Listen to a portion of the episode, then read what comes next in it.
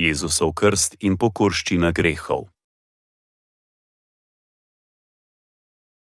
Matej 3:1-3:1:7 Tedaj je prišel Jezus iz Galileje k Jordanu do Janeza, da bi se mu dal krstiti. Janez ga je hotel odvrniti od tega in je rekel: Jaz bi se ti moral dati krstiti, pa ti hodiš k meni. Jezus je odgovoril in mu dejal: Pusti zdaj, kaj ti spodobi se nama, da tako izpolniva vso pravičnost. Tedaj mu je pustil. Po krstu je Jezus takoj stopil iz vode in glej, odprla so se mu nebesa. Videl je Božjega duha, ki se je spuščal kakor golob in prihajal na dan. In glej, glas nebes je rekel: Ta je moj sin, nad katerim imam veselje. Je sporoh še kdo, ki trpi od greha? Se je naše suženstvo grehu končalo? Da. Naš Gospod Bog je odrezal verigo greha za vse ljudi. Vsi tisti, ki trpijo pod bremenom greha, so sužni greha, ampak z njegovo odrešitvijo jih Gospod čisto odstrani. Odstranil je vse naše grehe. Je spol še kdo, ki trpi zaradi greha? Moramo razumeti, da je naša vojna proti grehu končana. Nikoli več nam ni treba trpeti v grehu. Naše suženstvo se je končalo, ko nas je Jezus odkupil s svojim krstom in krvjo. Vsi naši grehi so tam in takrat bili končani. Božji sin je spokoril vse naše grehe. Bog je plačal za vse naše grehe skozi Jezusa, ki nas je za zavedno osvobodil. Ali veš, koliko ljudje trpijo zaradi hreka? Začelo se je v času, ko sta živela Adam in Eva.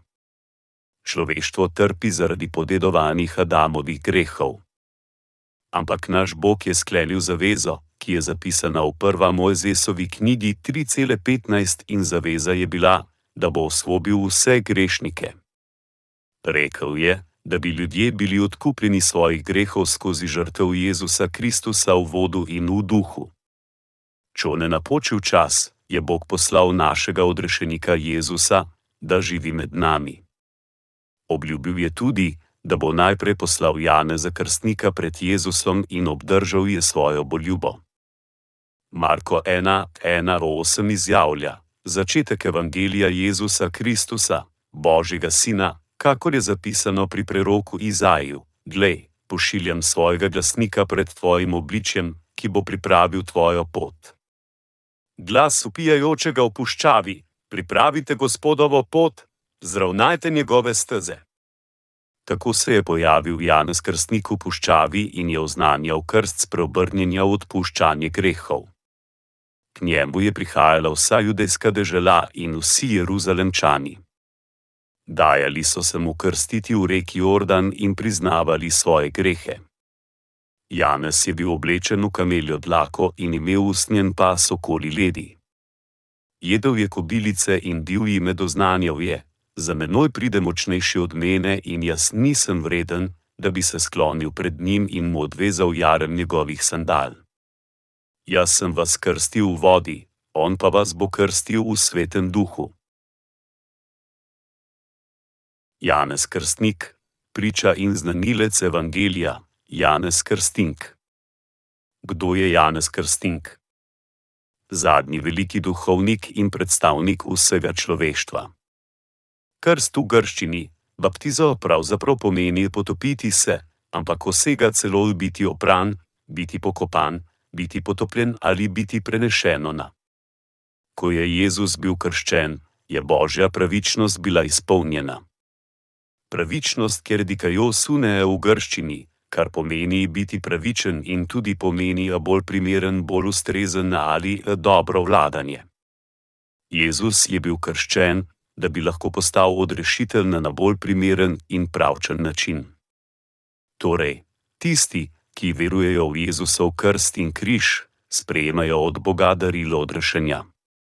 V novi zavezi Janez Krstnik je predstavnik človeštva in velikega duhovnika v dobi nove zaveze, je prenesel vse grehe sveta na Jezusa, na tak način služenje velikega duhovništva v stari zavezi. Jezus sam je pričeval Janezu krstniku. Rekel je v Mateju 1:1:1:3:1:4: Vsi preroki in postava so prerokovali do Jezusa. On pa je, če hočete to sprejeti, Elidža, ki mora priti.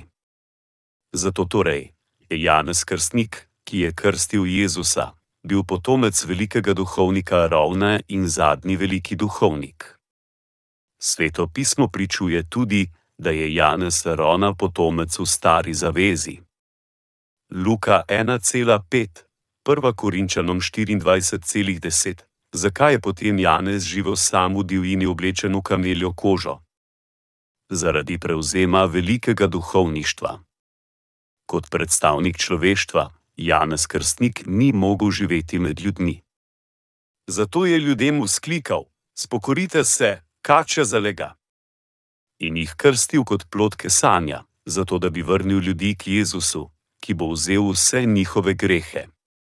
Najpomembnejše je, da je Janez Krstnik prenesel vse grehe sveta na Jezusa za naše zveličanje, ko je položil roke na Jezusovo glavo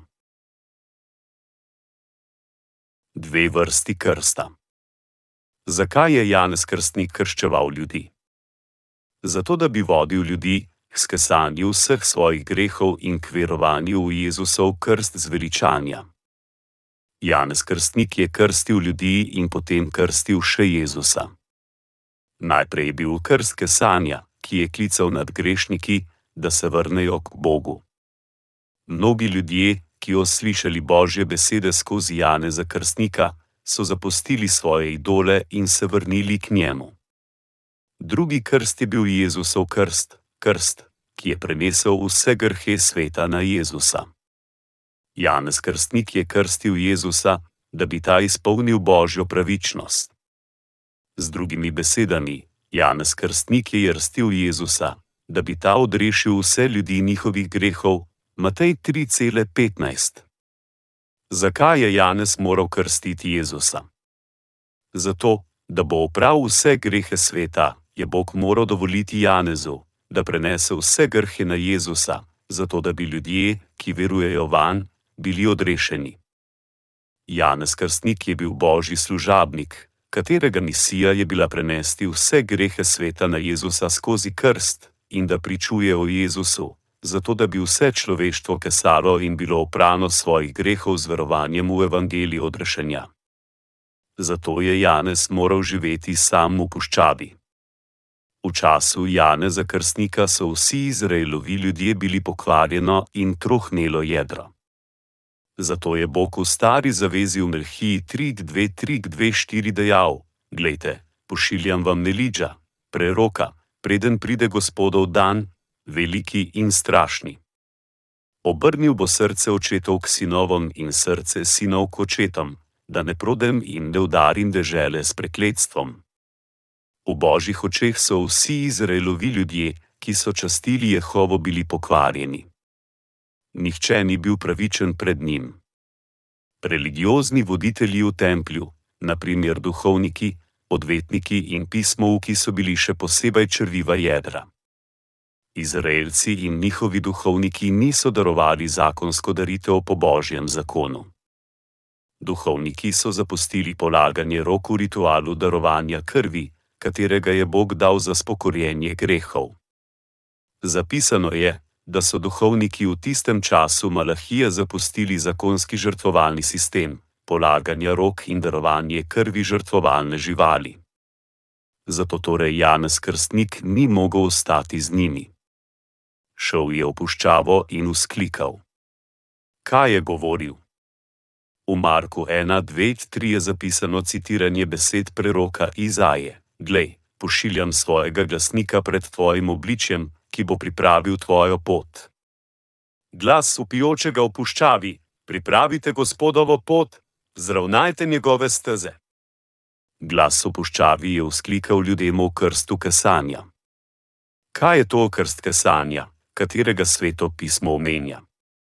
To je krst, katerega je Janez Krstnik usklikal, krst, ki je klical ljudi nazaj k Jezusu, da bi verovali van, kateri bo oduzel vse njihove grehe in bili rešeni. Krst kesanja bi jih vodil do zveličanja. Spokorite se in se krstite. Naj odrešenik Jezus bo krščen na isti način, da vzame stran vse vaše grehe. Usklikanje Jane za krstnika je bilo, da bi Jezus vzel vse grehe sveta in bil sojen na njih na križu, da bi rešil ljudi, da bi se vrnili k Bogu. Jaz sem vas krstil v vodi, on pa vas bo krstil v svetem duhu. Krstil v svetem duhu pomeni oprati stran vse naše grehe. Krstiti pomeni oprati.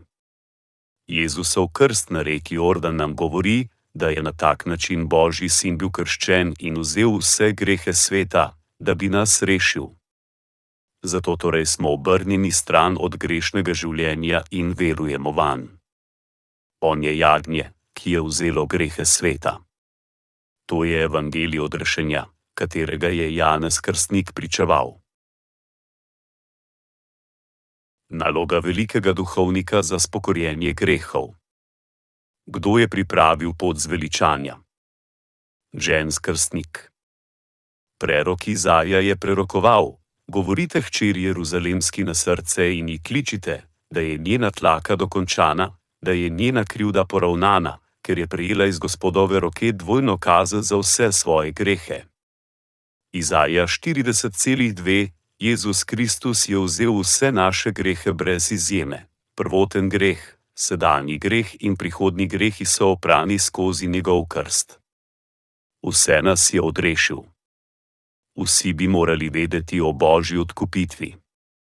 Da bi bili rešeni vseh naših grehov, moramo verjeti v evangelij, ki izjavlja, da je Janez Krstnik prenesel vse grehe na Jezusa skozi pomen krsta. Ne bi smeli napačno razumeti razmišljujoč, odkar je Bog ljubezen, lahko vstopimo v nebeško kraljestvo samo verovanjem v Jezusa, pa čeprav imamo greh v naših srcih. Da bi bili odkupljeni vseh naših grehov, moramo verovati v njegov krst, skozi katerega je Janez Krstnik prenesel vse naše grehe sveta na Jezusa in na križ. Po vodi je Janez Krstnik prenesel vse grehe človeštva na Jezusa. Prva stvar, katero je Bog naredil, da bi nas odrešil, je, da je poslal Janeza na svet. Kot božji glasnik je Janez Krstnik bil poslan kot kraljevski predstavnik, ki je prenesel vse grehe sveta na Jezusa skozi krst. On je služil kot veliki duhovnik človeštva. Bog nam je povedal, da nam je poslal svojega glasnika Janeza Krstnika. Pošiljam svojega glasnika pred tvoje obličje. Pred tvoje obličje, pomeni pred Jezusa. Zakaj je Bog poslal Janeza pred Jezusom? To je bilo zato, da bi bili prenešeni vsi grehi sveta na Jezusa, Božjega Sina skozi krst. On bo pripravil pot pred teboj. To pravzaprav odlomek pomeni. Kdo je tisti, ki je pripravil pot, zato da bi mi bili odrešeni in šli v nebesa? Janez Krstnik. Tvoje pomeni Jezus in na moje sam Bog. Torej, ko on reče: Pošiljam svojega glasnika pred tvoje obličje, ki bo pripravil tvojo pot pred tabo, kaj to pomeni? Kdo bo pripravil našo pot, da mi lahko šli v nebesa? Janez Krstnik je prenesel vse naše grehe na Jezusa, da bi mi verovali, da jih je oprav stran, njegova naloga je bila, da prenese vse grehe z krstom Jezusa Kristusa. Jezus in Janez sta naredila mogoče za nas, da verjamemo v resnico in smo odkupljeni. Oče naše zveličanje zavisi. Zavisi, kaj mi verujemo o pravičnih Jezusovih dejanjih, Božjem sinu in dejstvu, da je Božji glasnik, Janez Krstnik, prenesel vse grehe sveta na njega. Vsi bi morali poznati evangelij odpuščanja grehov. Bog oče je najprej poslal svojega glasnika, tistega, ki bo krstil njegovega sina in ga naredil človeškega predstavnika. Potem takem je dokončal delo odrešenja za nas. Bog je poslal svojega služavnika Janeza Krstnika, da krsti njegovega sina, zato da bi pripravil pot zveličanja za tiste, ki so verovali v Jezusa. To je razlog, zakaj je Janez krstil Jezusa. Jezusov krst po Janezu krstniku je bil izpolnjen z božjo odrešitvijo, skozi katero so vsi grehi človeštva bili prenešeni na njega, zato da bi ljudje verovali v Jezusa in šli v nebesa. Tudi prihodni grehi človeštva so bili prenešeni na Jezusa skozi njegov krst. Jezus in Janez Krstnik sta skupaj pripravila pot za v nebesa za vse nas. Na ta način je Bog razkril skrivnost odrešenja skozi Janeza Krstnika. Predstavnik človeštva, Janez je krstil Jezusa, zato, da bi mi verovali v naše odkupljenje in šli v nebesa. On je prenesel vse naše grehe na Jezusa skozi krst. To je najbolj vesela novica odrešenja, evangelij.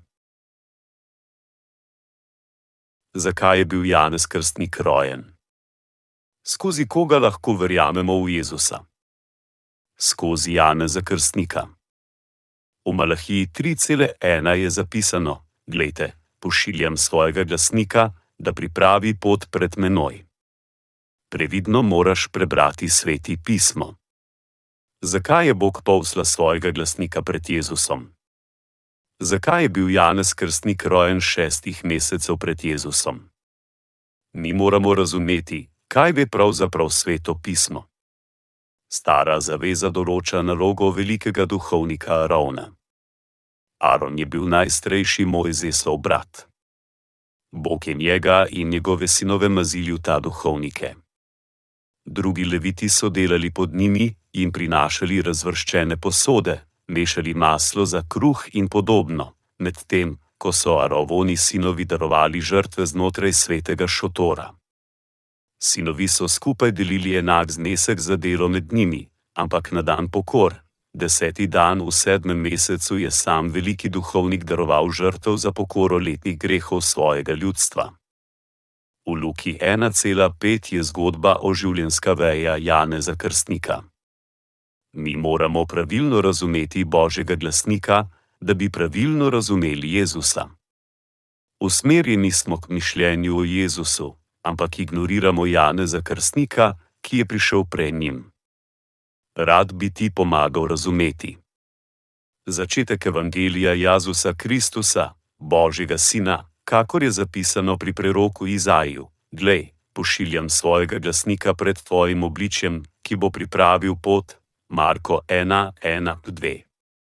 Nebeški evangelij se vedno začne z Janezom Krstnikom. Ko popolnoma naučimo o Janezu Krstniku, lahko jasno razumemo in verjamemo v evangeliji Jezusovega odrešenja. To je podobno poslušanju glasnika, katerega smo zapostavili po celem svetu z namenom, da razumemo situacijo narodov.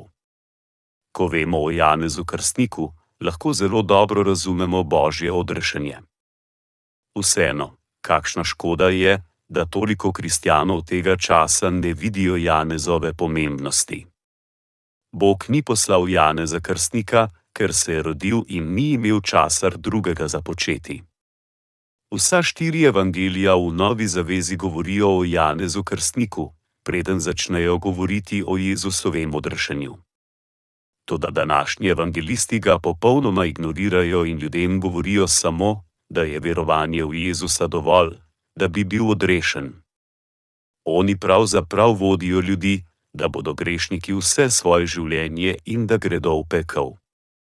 Če vsi kristijani verujejo samo v Jezusa, brez da bi razumeli vlogo Jane za krstnika, krščanstvo bi bilo zapeljano v svetovno religijo.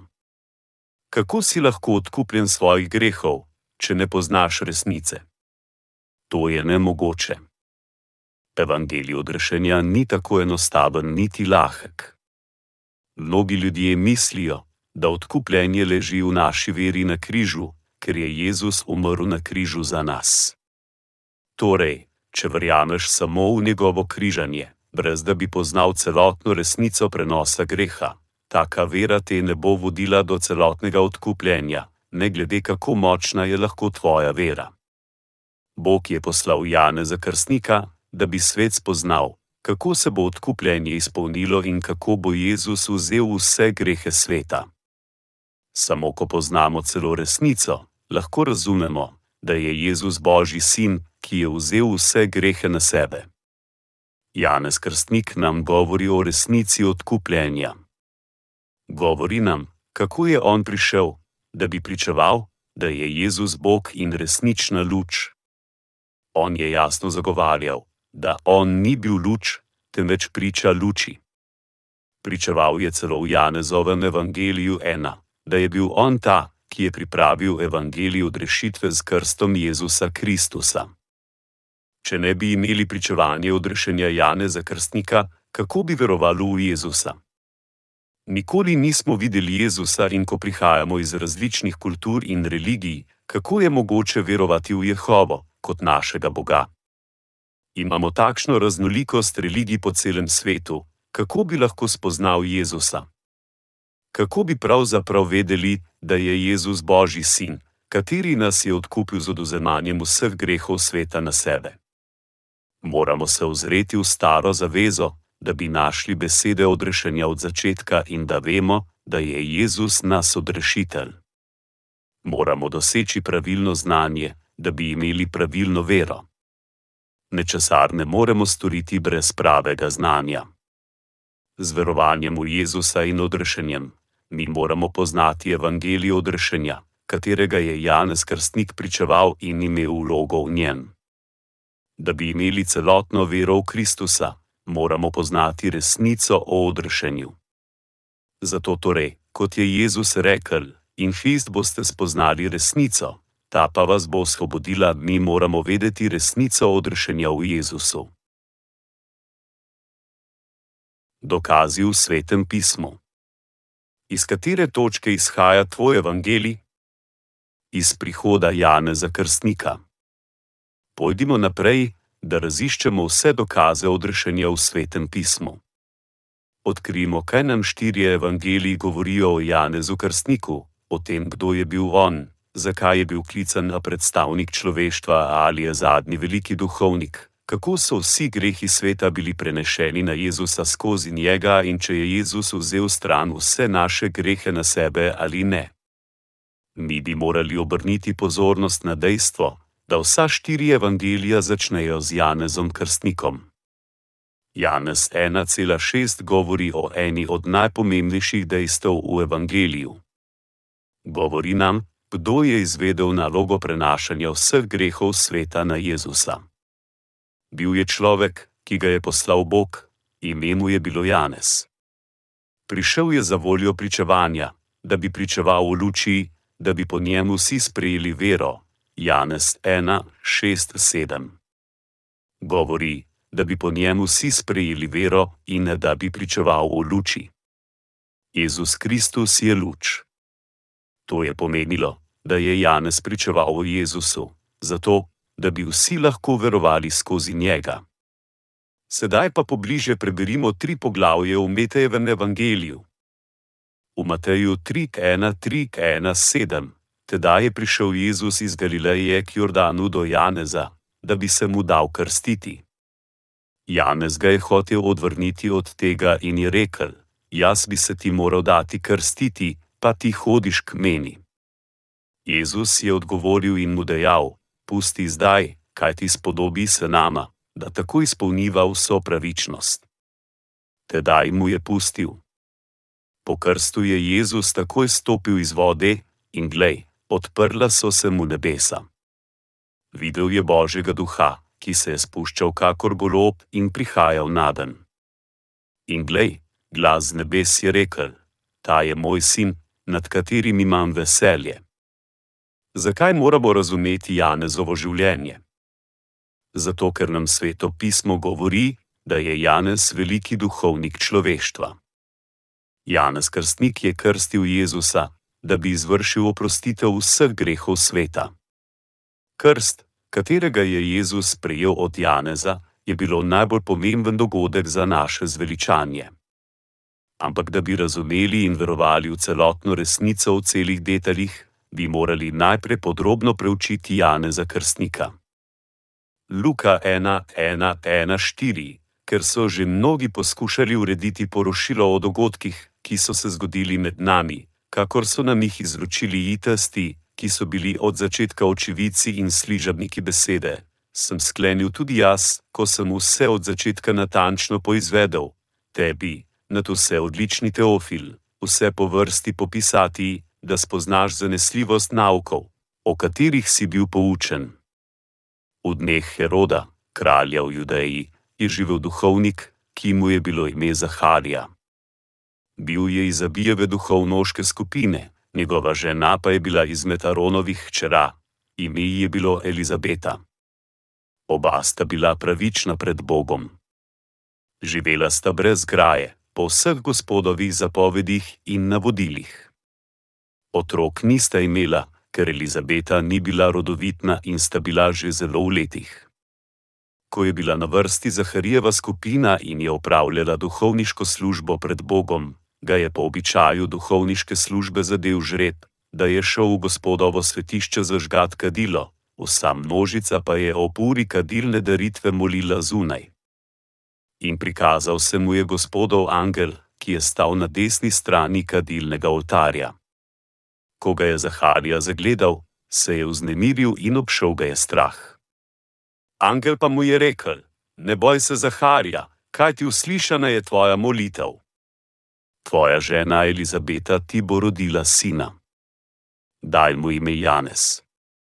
V veselje in radost ti bo in mnogi se bodo veselili njegovega rojstva. Tukaj Luka, Jezusov učenec, v podrobnosti govori o Janezovem življenju. Jezusov učenec Luka pojasnjuje začetek Janezovega življenja od začetka. Luka je poučeval evangelij človeku z imenom Teofil, ki je bil iz drugačne kulture in ni vedel za gospoda. Zato je, da bi ga poučil o Jezusu, zveličarju grešnikov, je Luka mislil, da mu mora pojasniti začetek življenja Janeza Krstnika do podrobnosti. Ker smo tudi mi pogani iz različnih ras, ne moremo razumeti Jezusovega zveličanja, če ni natančno razložen korak za korakom. Poglejmo, kateri so to detalji. V Luki 1:5-9 pripoveduje: V dneh Heroda, kralja v Judeji, je živel duhovnik, ki mu je bilo ime Zaharija. Bil je iz Abijeve duhovnoške skupine, njegova žena pa je bila izmed Aronovih hčera, ime ji je bilo Elizabeta. Oba sta bila pravična pred Bogom. Živela sta brez graje, po vseh gospodovih zapovedih in navodilih. Otrok nista imela, ker Elizabeta ni bila rodovitna in sta bila že zelo v letih. Ko je bila na vrsti Zaharijeva skupina in je opravljala duhovniško službo pred Bogom, ga je po običaju duhovniške službe zadev žreb, da je šel v gospodovo svetišče zažgat kadilo. Tukaj je slučaj, ki se je pripetil med tem, ko je Zaharija služil gospodu, po običaju duhovništva. Luka je jasno pričaval, da je bil Zahrija Arona potomac. Kateremu delu je Zaharija pripadal? To je zelo pomembna točka. Pojasnil je, ko je bila na vrsti Zaharijeva skupina in je opravljala duhovniško službo pred Bogom. Lahko vidimo, da je Luka vedel o Zahariji tako dobro, da je pojasnil evangelijo odrešenja z omenjanjem obeh, Zahrije in Elizabete. Janez Krstnik je bil rojen Zahariji in njegovi ženi Elizabeti, katera je bila ena od Aronovih hčera. Sedaj pa si podrobneje poglejmo življenje Zaharije, Janezovega očeta.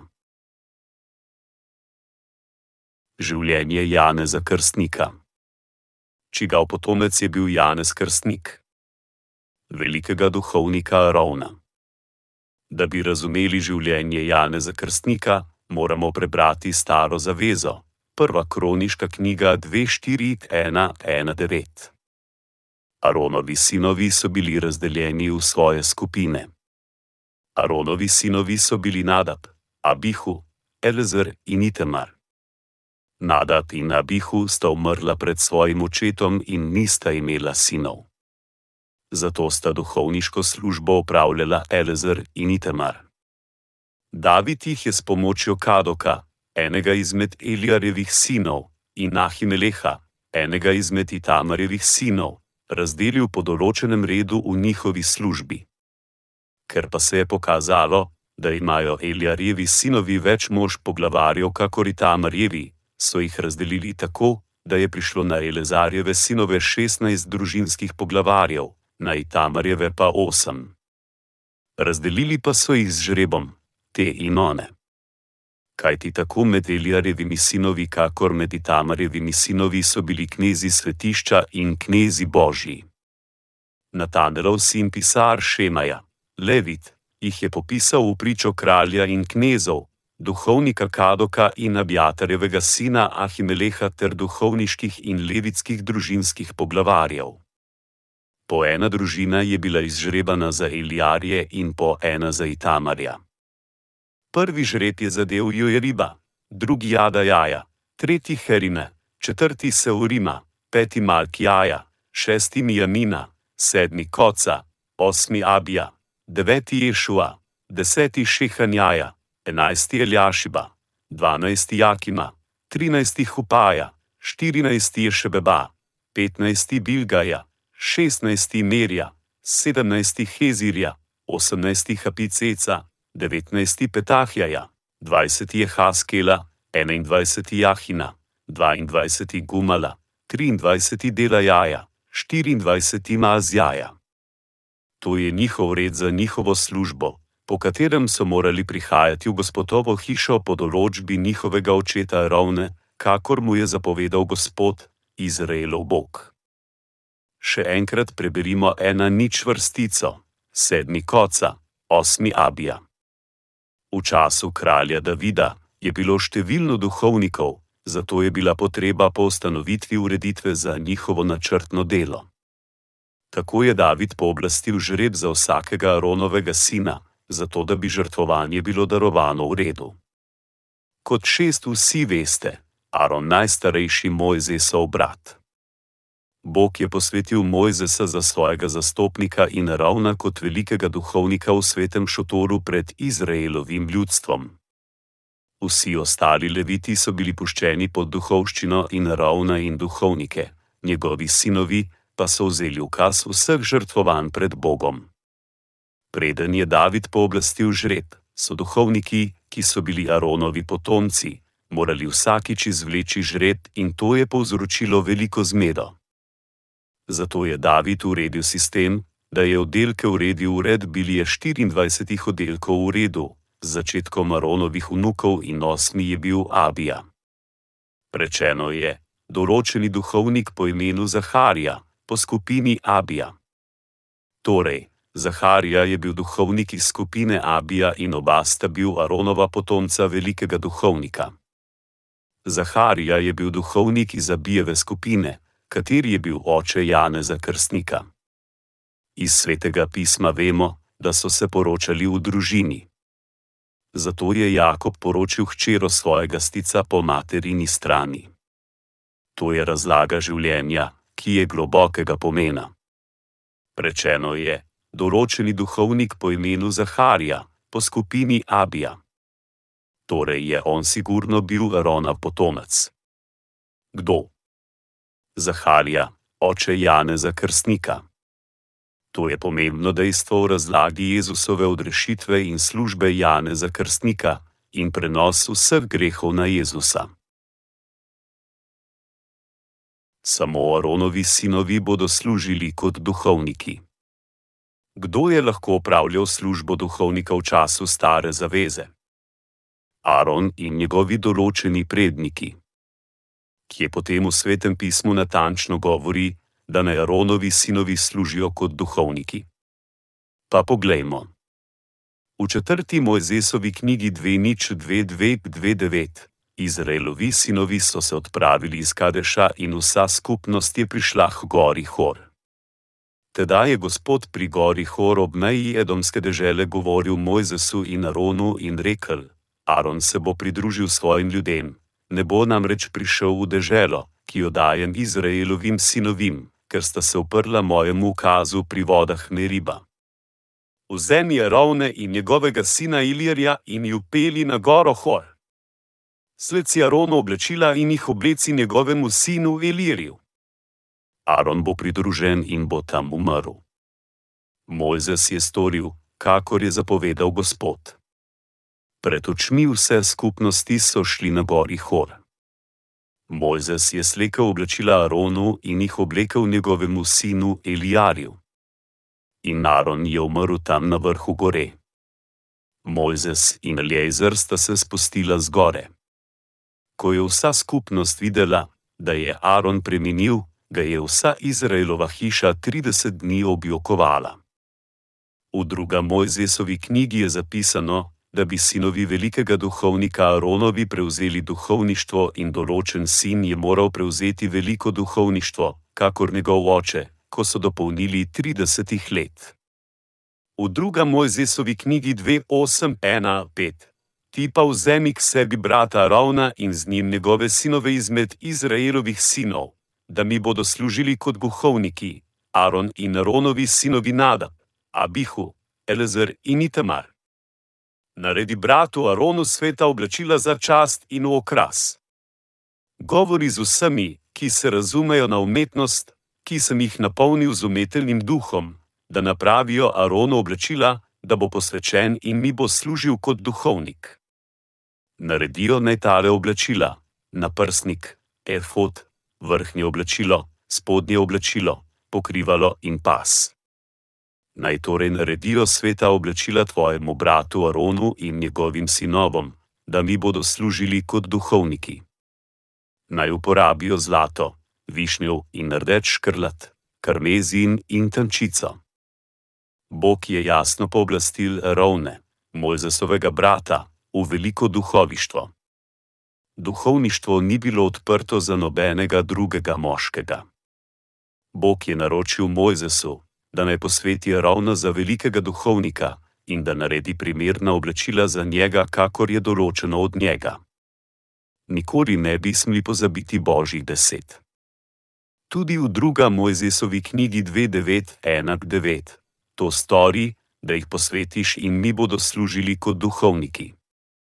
Vzemi junca in dva neoporečna ovna in nekvašenega kruha ter nekvašenih, z oljem umešanih kolačev in nekvašenih, z oljem pomazanih mlincev, naredi jih iz bele pšenične moke. Položi jih v košaro in v košari jih prinesi poleg junca in obeh ovnov. Ravne in njegove sinove pripeli k vhodu shodnega šotora in jih umi z vodo. Potem vzemi oblačila in obleci Aronu spodnje oblačilo, vrhnje oblačilo efodu, efod in predpasnik, in ga prepaši s prevezo efoda. Deni mu na glavo pokrivalo in na pokrivalo pritrdi sveti načelek. Vzemi mazilnega olja, izli mu ga na glavo in ga mazili pripeli tudi njegove sinove in jim obleci spodnja oblačila.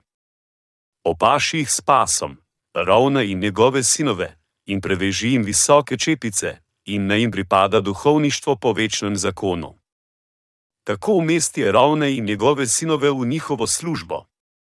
Opaši jih s pasom, ravna in njegove sinove, in preveži jim visoke čepice. Duhovščina naj bi bila njihova po večnem zakonu morali bi si posvetiti Aronu in njegovim sinovom. Bog je podrobno označil, da so bili edino Aron in njegovi sinovi posvečeni duhovniški službi. Ko je podrobno označil, po večnem zakonu je naznačeno, da je duhovništvo bilo učinkovito celo po Jezusovem prihodu na ta svet. Luka do podrobnosti razlaga, da je Zaharija bil potomec velikega duhovnika Ravna ko je Zahrija služil kot duhovnik in vodil pred Bogom v gospodovem templju, se je prikazal angel in mu rekel, da so njegove molitve uslišane, da mu bo njegova žena Elizabeta rodila sina. Zaharija to ni mogel verjeti in je rekel: Moja žena je že v visoki starost, kako bo rodila sina? Zaradi njegovega dvoma ga je Bog onemil za nekaj časa, da bi mu pokazal, da so njegove besede resnične pravočasno, njegova žena je spočela po nekem času, ko je devica Marija zanosila. Oba slučaja sta bila pripravljena po božjem delu za zveličanje. da bi rešil bedno človeštvo, je poslal svojega služabnika Janeza in svojega edinorojenega sina na ta svet. Torej, Bog je krsti svojega sina po Janezu, da bi prenesel vse grehe sveta, zato da bi tisti, ki verujejo van, bili odrešeni. Posebna božja previdnost. Koga je Bog pripravil pred Jezusom za delo njegove odrešitve? Janeza Krstnika. Jezus Kristus je bil zveličar človeštva, ki je bil rojen iz telesa device Marije. Marija je bila zaročena z Jožefom, ki je bil judovski potomec. Jezus se je moral roditi po judovskem potomstvu, da bi izpolnil božjo zaobljubo, ravno tako kot je Janez Krstnik moral biti rojen v hiši velikega duhovnika Ravna. Bog je pripravil oba, da se rodita na ta svet, v tem zaporedju, Janez pred Jezusom. Janez se je krstil, da bi lahko krstil Jezusa in prenesel vse grehe sveta na njega. Potomec velikega duhovnika je moral žrtvovati pokoro, da bi izpolnil božjo zaobljubo, ki je bil storjena v stari zavezi. Evangelij Jezusovega odrešenja je moral biti pravilno iznešen, da bi lahko vsi ljudje bili osvobojeni.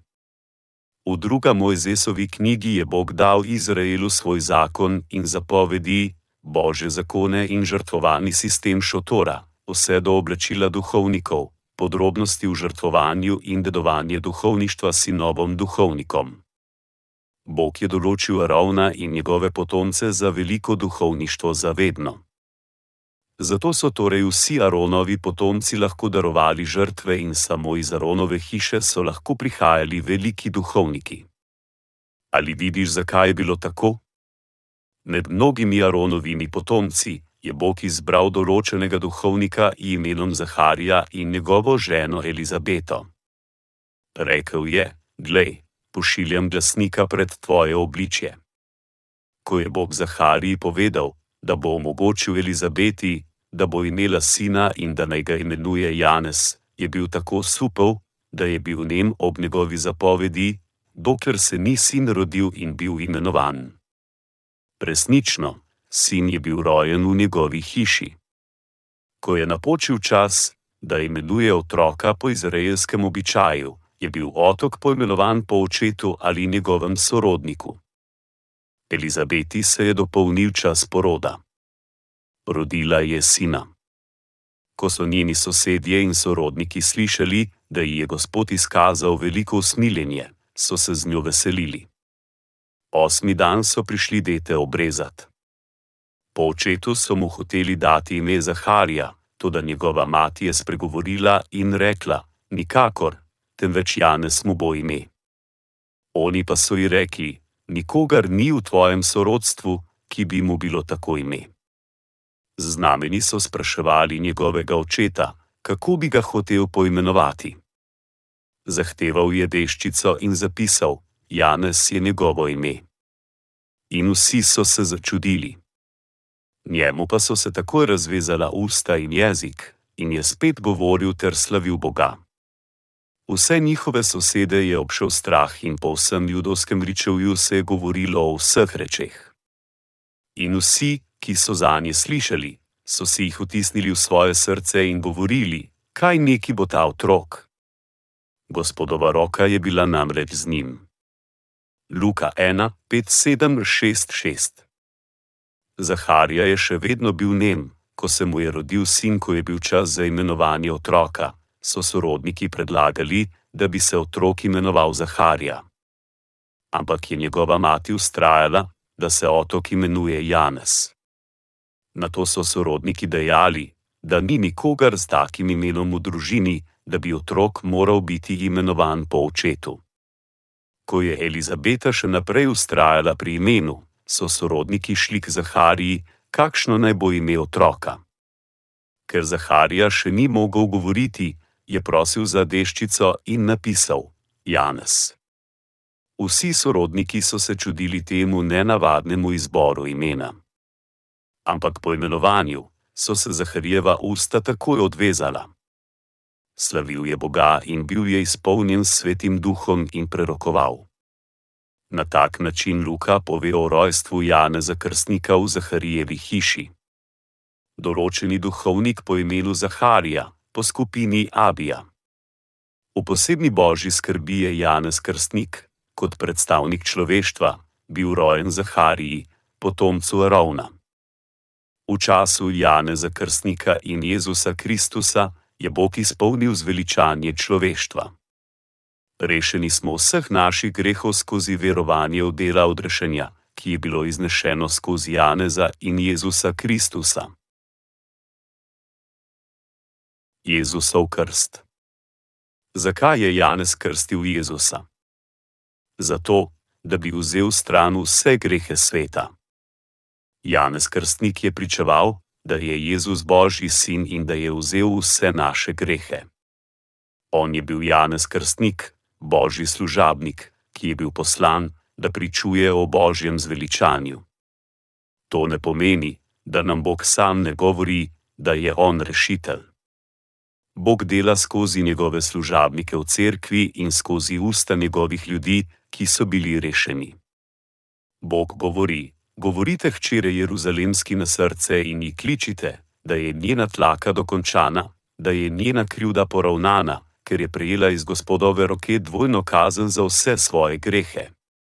Trava se posuši, svetica ovene, beseda našega Boga pa obstane na veke. Izaja 4 nič 2, 8. Bog je že 700 let pred Kristusovim rojstvom obljubil: Niste več grešniki. Spokoril sem vse vaše grehe in vojna je končana. Tako glas odrešitvenega evangelija nam nadaljuje vzklikati to je tisto, kar je imenovano pripravljen evangelij. Ko razumemo dela Janeza Krstnika in ko resnično razumemo, da so vsi grehi sveta prenešeni na Jezusa skozi Janeza Krstnika, smo lahko vsi osvobojeni naših grehov. Vsa štiri evangelija nam govorijo o Janezu Krstniku, in Malahija, zadnji prekork stare zaveze, tudi pričuje, da je bil Janez Krstnik pripravljen božji sluga. Nova zaveza se začenja z rojstvom Janeza Krstnika in prenosom grehov skozi njega. Zakaj ga potem kličemo Janez Krstnik? Zato, ker je krsil Jezusa. Kaj krst pomeni? Pomeni je prenesti ne, biti zakopan, biti opran, isto kakor položiti roke na je v stari zavezi. Ko je človek grešil v stari zavezi, je svoje grehe prenesel na žrtvovalno žival brez madeža in položil roke na njeno glavo, in žrtev je umrla z vsemi grehi. Položiti roke na pomeni je prenesti na. Zato položiti roke, in krste imata tesno povezanost, pa čeprav so čisto ločene stvari. Kaj je bil potem pomen Jezusovega krsta? Njegov krst je bil edini način, da mi sprejmemo odpuščanje grehov. Bog je ustanovil zakon, da je greh lahko prenešen na žrtev preko polaganja rok. Na tak način so v stari zavezi grešniki morali položiti roke na glavo žrtve, da bi prenesli svoje grehe na njeno glavo. Potem so jim morali prerezati vrat in duhovniki so namazali na rogove oltarja žgalne datitve. To je bil način, na katerega so spokorili svoje dnevne grehe kako so se potem spokorili letnik grehov. V tem primeru je veliki duhovnik Aron žrtev daroval za vse izraelsko ljudstvo. Ker je bil Janez Krstnik rojen v Aronovi hiši, je za njega bilo primerno, da je bil veliki duhovnik in Bog ga je vnaprej določil za zadnjega velikega duhovnika, po njegovi obljubi odrešenja. Janez Krstnik je bil predstavnik vsega človeštva in bil zadnji veliki duhovnik, ker se je stara zaveza končala v Jezusovim rojstvom. Kdo drug, če ne Janez Krstnik, bi lahko prenesel vse grehe sveta na Jezusa v novi zavezi, ravno kot Aaron, ki je spokoril vse grehe svojega ljudstva v stari zavezi. Kakor zadnji veliki duhovnik v stari zavezi in predstavnik človeštva, je Janez Krstnik prenesel vse grehe sveta na Jezusa, ko ga je krstil ker je Janez prenesel vse grehe vseta na Jezusa, z verovanjem v evangeliji vode in duha nas lahko odkupi. Jezus je postal jagnje, da bi rešil vse grešnike, tako da vzklikamo o delu odrešenja, katerega je Bog načrtoval. Jezus nam je povedal, da je Janez Krstnik zadnji prerok, zadnji veliki duhovnik, ki je prenesel vse grehe sveta na njega. Zakaj Jezus tega ni mogel storiti sam? Zakaj je potreboval Janeza Krstnika? Bil je razlog, zakaj se je Janez Krstnik rodil šest mesecev pred Jezusom. Bilo je zato, da se izpolni stara zaveza, da se izvrši obljuba. Jezus je bil rojen devici Mariji in Janez Krstnik je bil rojen ženi v visoki starosti z imenom Elizabeta. To sta bili božji deli in jih načrtoval, da bi rešil vse grešnike. Da nas reši pred večno vojno proti grehu, z vsemi mučeni našega grešnega obstoja, je poslal svojega služabnika Janeza in svojega sina Jezusa. Janez Krstnik, zadnji veliki duhovnik, je bil poslan, da zastopa človeštvo. Največji rojen mož iz žene. Kdo je bil največji človek na zemlji? Janez Krstnik. Poglejmo v Matejo Evangeliji 1.1.7.1.4, ko so ti odšli, je Jezus začel množicam govoriti o Janezu: Kaj ste šli gledati v puščavo? Krst, ki ga veter maje. Kaj vendar ste šli gledati? Človeka, v mehko oblečenega? Glejte, tisti, ki se v mehko oblačijo, živijo v kraljevskih hišah. Kaj torej ste šli gledati? Preroka. Da, povem vam, več kot preroka. Ta je tisti, o katerem je pisano: Glej, jaz pošljem svojega glasnika pred tvojim obličjem, ki bo pripravil tvojo pot pred teboj. Resnično, povem vam, med rojenimi od žena ni bil obujen večji od Janeza Krstnika, vendar je najmanjši v nebeškem kraljestvu večji od njega. Od dni Janeza Krstnika do zdaj si nebeško kraljestvo silo tira pot in močni ga osvajajo. Vsi preroki in postava so prerokovali Janeza. On pa je, če hočete to sprejeti, Elidža, ki mora priti. Ljudje so šli v puščavo, da bi videli Janeza Krstnika, kateri je vzklikal: Spokorite se, kače zalega. In Jezus je rekel: Kaj vendar ste šli gledati? človeka, v mehko oblečenega? Glejte, tisti, ki se v mehko oblačijo, živijo v kraljevskih hišah. Sam Jezus je pričeval o Janezovi veličini. Kaj ste šli gledat? Barbara, ki je oblečen v kameljo kožo in usklikuje iz vseh pljuč, mora imeti ponošeno kameljo kožo. Kaj ste šli ven gledati? moža oblečenega v mehko oblačilo. Tisti, ki nosijo mehka oblačila, prebivajo v kraljevih hišah. Ampak on je večji od kralja, je pričeval Jezus. Glejte, tisti, ki se v mehko oblačijo, živijo v kraljevskih hišah. Kaj torej ste šli gledat? Preroka. Da, povem vam, več kot preroka. V starih časih so se smatrali duhovniki večji kot kralji. Janez Krstnik je bil več kot kralj in več kot prerok. Bil je več kot vsi preroki skupaj v stari zavezi. Dejstvo je, da je Janez, zadnji veliki duhovnik in predstavnik človeštva, bil večji od samega Rovna, prvega velikega duhovnika. Jezus sam je pričeval, da je bil Janez takšen kdo je predstavnik človeštva. Izuzeni samega Jezusa, kdo je največji človek na zemlji? Janez Krstnik. Da, povem vam, več kot preroka. Ta je tisti, o katerem je pisano: Glej, jaz pošljem svojega glasnika pred tvojim obličjem, ki bo pripravil tvojo pot pred teboj. Janez Krstnik je pričeval, da je vojna z grehom končana. Glej, jagnje Božje, ki oduzema vse grehe sveta. Janez Krstnik je, je pričeval, da je Jezus vzel na sebe vse grehe sveta. V Mateju 11,11: 11, resnično, povem vam, med rojenimi od žena ni bil obujen večji od Janeza Krstnika, vendar je najmanjši v nebeškem kraljestvu večji od njega. Je bil kdo večji od Janeza Krstnika med rojenimi od žena? Kaj to pomeni biti rojen od žena? Namenjeno je vsem človeštvu. Izjemoma Adam in Eva so vsi ljudje bili rojeni iz žena. Da, med tistimi, ki so bili rojeni od žena, ni ustal nihče večji od Janeza Krstnika. Zato je on zadnji veliki duhovnik in predstavnik človeštva. Janez Krstnik je bil veliki duhovnik, prerok in predstavnik vsega človeštva. V stari zavezi so Aaron in njegovi sinovi bili posvečeni od Boga, da bi služili v večnosti. Vsi grehi so morali biti oprani skozi Arovne in njegove sinove. Bilo je tako, kot je Bog zapovedal. Če se je kakšen levit upal in stopil v duhovništvo, bi gotovo umrli. Vse, kar so oni lahko počeli, je, da so nabirali les za ogenj na oltarju, odreti živali, vzeti ven mast, počistiti črvesja in odnesti drobovje ven iz šotora.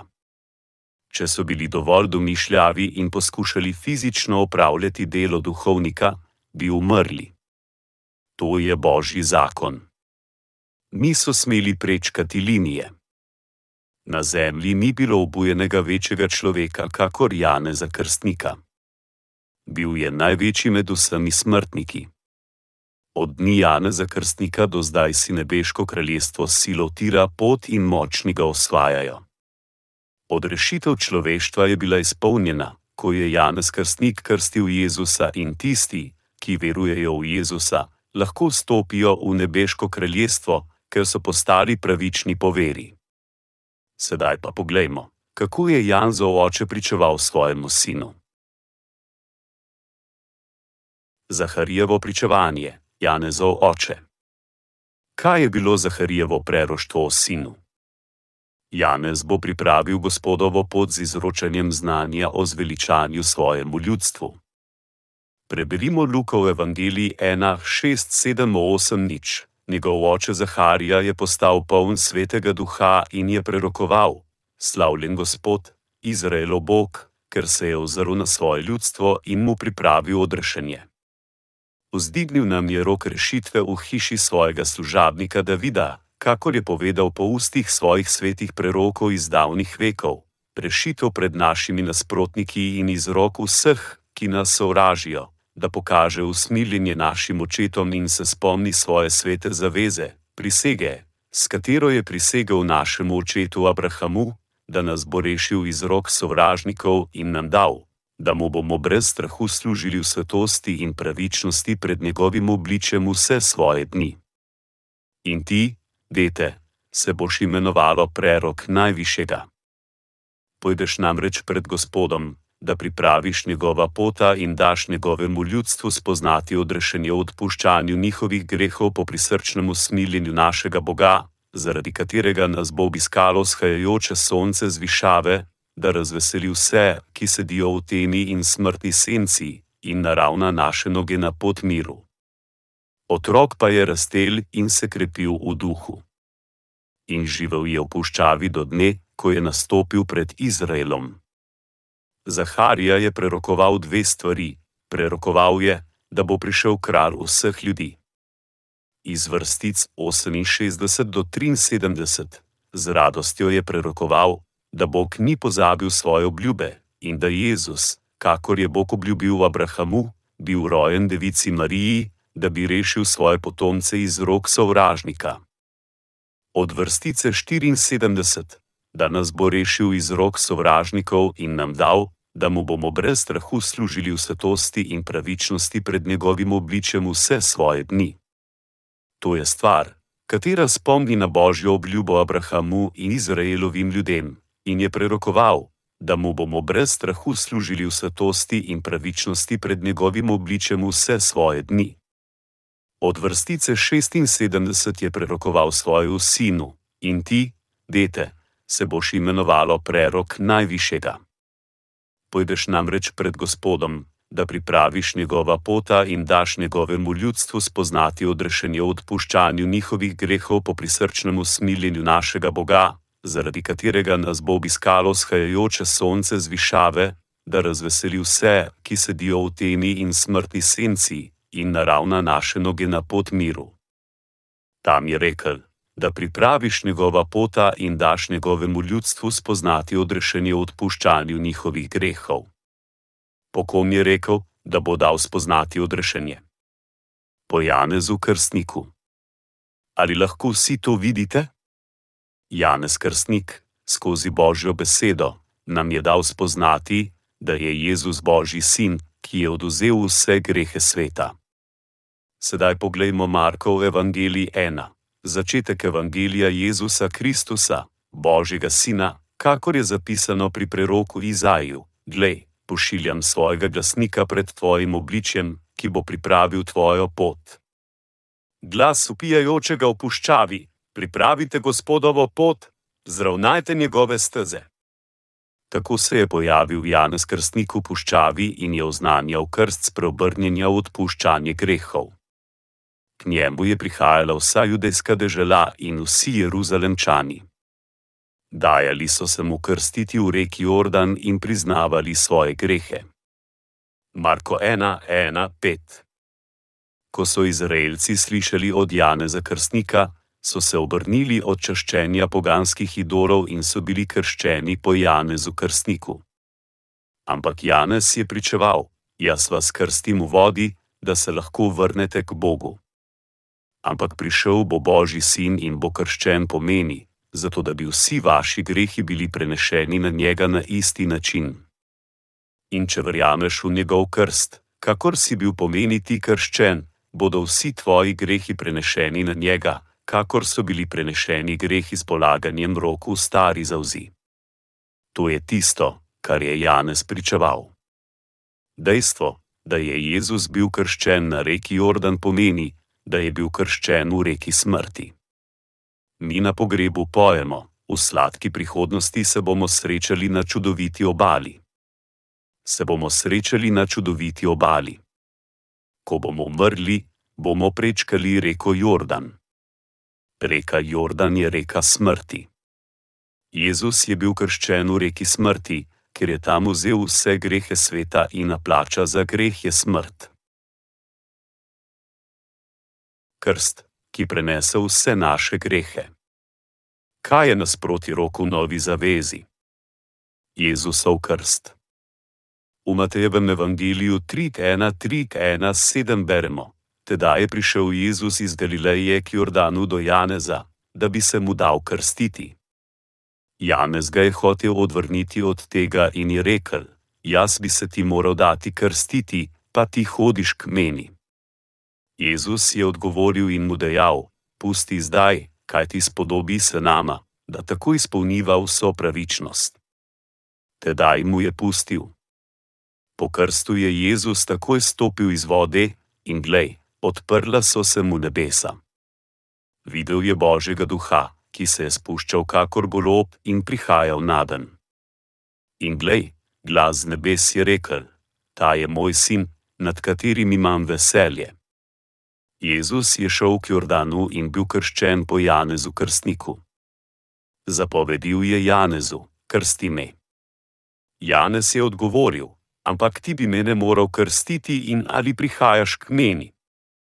velika duhovnika nebes in zemlje se srečata. Kot je izjavljeno po Hebrejcem, je Jezus Kristus zavedno veliki duhovnik, po Meldizedekovem redu.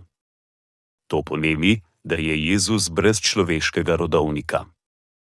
On ni Arona potomec ali katere koli osebe na svetu. On je Božji sin, naš stvarnik. On je tisti, ki je, zato on nima rodovnika. Jezus je odvrgel slavo nebes in prišel dol na svet, da bi rešil svoje ljudi. Razlog, zakaj se je spustil na ta svet, je bil, da odreši vse grešnike, kateri so trpeli od satanove prevare. Kot dodatek je vzel stran vse grehe sveta z krstom po Janezu Krstniku. Jezus je odgovoril in mu dejal: Pusti zdaj, kaj ti spodobi se nama, da tako izpolniva vso pravičnost tedaj mu je pustil. Pusti zdaj. Pusti. Jezus je zapovedal predstavniku človeštva in sklonil svojo glavo, da bi bil krščen. V stari zavezi, ko je bila žrtev darovana Bogu, ne glede grešnik ali duhovnik je položil roke na njeno glavo in prenesel grehe. Polaganje rok nekoga pomeni prenesti. Janez Krstnik je krstil Jezusa. Bilo je isto, kakor polaganje rok v stari zavezi. Prenesti nad biti pokopan, biti opran in žrtvovati so tudi isto. Nova zaveza je rešničnost, medtem ko je stara zaveza le njena senca. Ko je grešnik položil roke na jagnje v stari zavezi, so njegovi grehi bili prenešeni na jagnje in jagnje je moralo biti ubito, ko je bilo jagnje mrtvo, je bilo pokopano. Grehi tistega, kateri je položil roke na glavo žrtvovane živali, so bili prenešeni na žrtvovano žival, zato je žival bila ubita zaradi grehov. Če so bili grehi prenešeni na jagnje, je lahko tisti, ki je daroval jagnje po žrtvovalnem sistemu, brez greha. Da. Recimo, da je ta ruta greh in ta mikrofon jagnje. Ko položim svojo roko na mikrofon, je ta greh prenešen na njega, na jagnje. Sam Bog je odločil, da bo to tako. Položi svoje roke. Da bi bili odkupljeni grehov v času stare zaveze, nekdo je moral položiti roke na glavo žrtve. Potem je lahko bil brez greha. Prav tako je Jezusov krst oprav, pokopal in prenesel grehe sveta na sebe. To je tisto, kar pravzaprav pomeni. Kaj pomeni, da izpolni vsi pravičnost? Pomeni, da opere stran vse grehe z prenosom grehov na Jezusa. Ko je bil Jezus krščen, da vzame stran vse grehe sveta, so resnično bili vsi prenešeni na njega. Vsi grehi sveta so bili prenešeni na Jezusa in vsi ljudje so bili odkupljeni. To je isto, kakor prenašanje grehov na žrtev v stari zavezi. Jezus je prišel in Galileje k Jordanu in rekel Janezu: Pusti zdaj, kaj ti spodobi se nama, da tako izpolniva vso pravičnost. Matej 3,15, potem je Janez krstil Jezusa. Rekel je Janezu, da se spodobi, da izpolnita vso pravičnost z njegovim krstom vso pravičnost to pomeni, a najbolj primerno in spodobno. Kaj ti je z drugimi besedami, poleg pomena v krstu, vsa pravičnost je bila izpolnjena. To je pomenilo, da je bilo pravilno, da Janez krsti Jezusa in da je Jezus krščen po Janezu, tako, da bi prenesel vse grehe sveta na njega. Bog dopušča odrešitev na podlagi Jezusovega krsta, njegove žrtve na križu in naše vere. Vsi ljudje trpijo zaradi greha in so mučeni od hudiča zaradi grehov. Zato, da bi bili rešeni in poslani v nebesa, ti, kot predstavnik človeštva in rona potomec, bi me moral krstiti za vse ljudi. Janez, jaz bom krščen po tebi. Potem bo delo odrešenja izpolnjeno. Razumem, je dejal Janez. Janez je krstil Jezusa položil je roke na Jezusovo glavo in prenesel vse grehe sveta na njega. Na tak način je Jezus postal rešitelj, kateri je opravil vse naše grehe. Sedaj, verovanje v njegovo odrešitev nas lahko reši. Ali verjameš? Po njegovem krstu reki Jordan, skozi roke predstavnika človeštva, je Jezus potoval in pričeval evangelij tri in pol leta z vsemi grehi sveta na svojem telesu, kot njegovo prvo javno dejanje v službi. Ženi, ki je bila ujeta v prešuštovanju, je rekel: Tudi jaz te ne obsojam. Ni je mogel obsoditi, ker je že prevzel vse njene grehe na sebe in je nameraval umreti na križu za njih. Medtem, ko je molil na mestu imenovanem Gecemaja, je molil trikrat, z začetkom, da oče dovoli, da ga čaša božje sodbe ni moj de, ampak je kmalo obupal in rekel: Ne po moji volji, ampak po tvoji volji. Glejte, jagnje božje, ki oduzema grehe sveta. Koliko grehov je Jezus vzel stran? Vse grehe sveta. Janez 1,29 izjavlja: Naslednji dan je zagledal Jezusa, da prihaja k njemu, in je rekel: Glejte, Božje jagnje, ki oduzema greh sveta. Janez Krstnik je krstil Jezusa in naslednji dan je Jezus prišel k njemu, zato je rekel ljudem: Glejte, Božje jagnje, ki oduzema greh sveta. To je bilo njegovo pričevanje. Božji sin je prišel na ta svet in vzel vse grehe. Janez Krstnik je ponovno pričeval.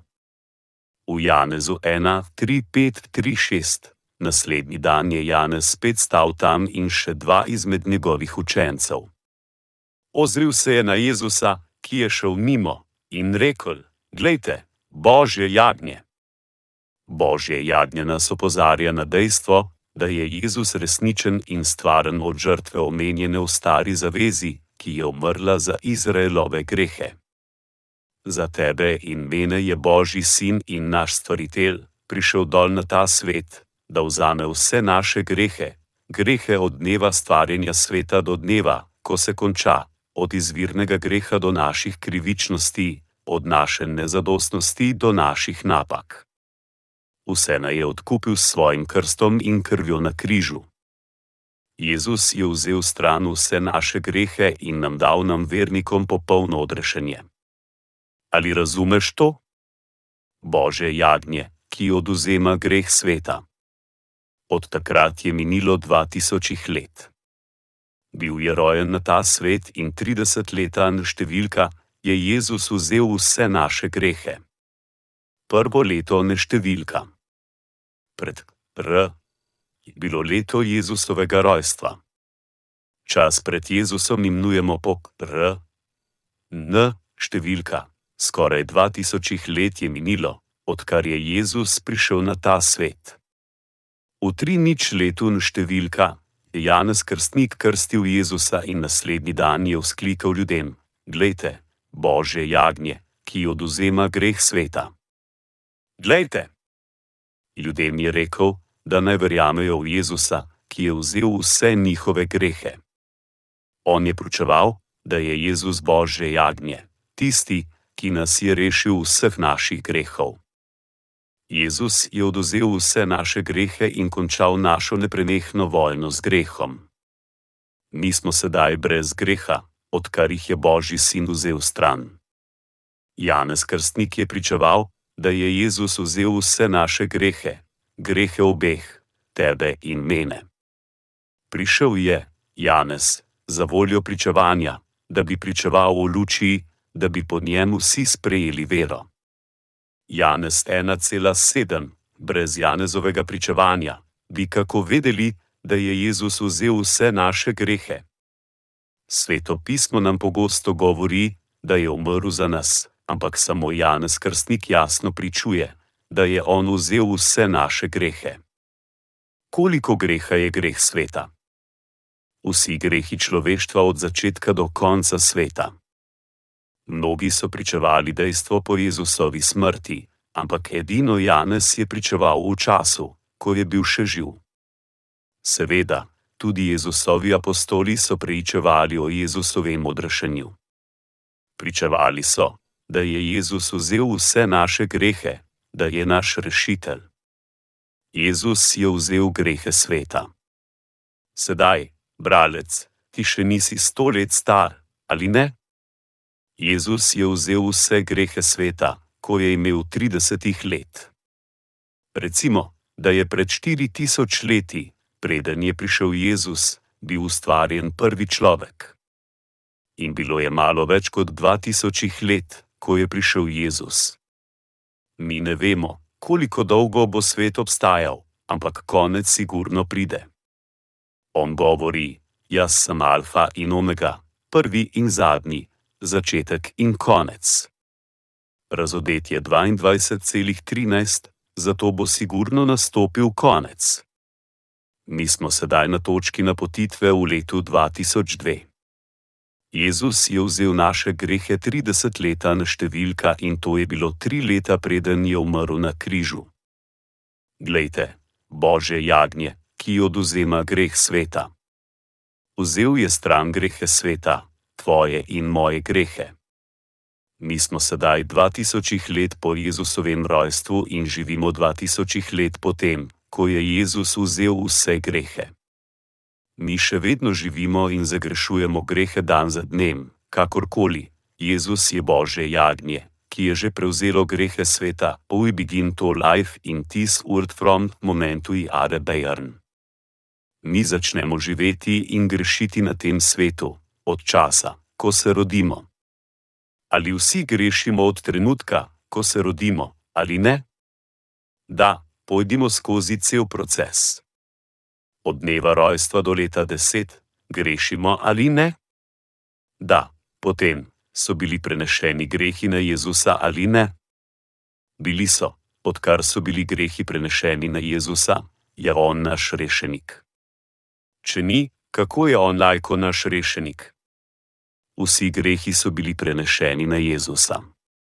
Ali grešimo od 11 do 20 leta, ali ne grešimo? Mi grešimo v naših srcih in v naših dejanjih. Smo zelo dobri v tem. Bili smo poučeni, da naj ne grešimo, ampak smo nagnjeni, da zagrešimo greh po naravi. Bog nam govori, da so vsi ti grehi prenešeni na Jezusa. On je vedel, da smo grešni, tazo je vnaprej vzel vse naše grehe. In kako dolgo ponavadi živiš na tem svetu? Recimo 70 let. Če damo skupaj vse grehe, katere smo zagrešili v teh 70 letih, kako težko bi bilo naše breme.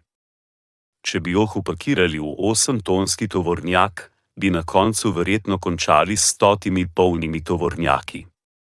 Samo pomisli, koliko grehov bomo zagrešili skozi naše celo življenje. Ali so to grehi sveta ali niso? Oni so deli greha sveta. Mi grešimo od rojstva do deset leta, od 10 do 20, od 20 do 30 leta. Do dneva, dokler ne umremo, ampak vsi ti grehi so vključeni v grehe sveta, ki so že prenešeni na Jezusa skozi njegov krst. Odrešenik sveta, Jezus Kristus. Koliko grehov je Jezus vzel stran? Vse grehe naših prednikov, nas in naših potomcev, do konca sveta. Jezus je rekel, da je prišel v telesu, da bi opravil vse naše grehe. Ampak Jezus ni mogel krstiti samega sebe, zato je Bog poslal svojega služabnika Janeza pred njim, izbranega predstavnika vsega človeštva. Kakor je zapisano, njegovo ime bodo klicali čudoviti, svetovalec, mogočni Bog. Sam s svojo modrostjo in s svojim svetovanjem, je najprej poslal predstavnika človeštva in samega Jezusa, Božje Sina, ki je prišel v telesu, da oduzame vse grehe sveta. Ali ni to čudovito globiko Božje skrbno zveličanje? To je čudovito, kaj ne?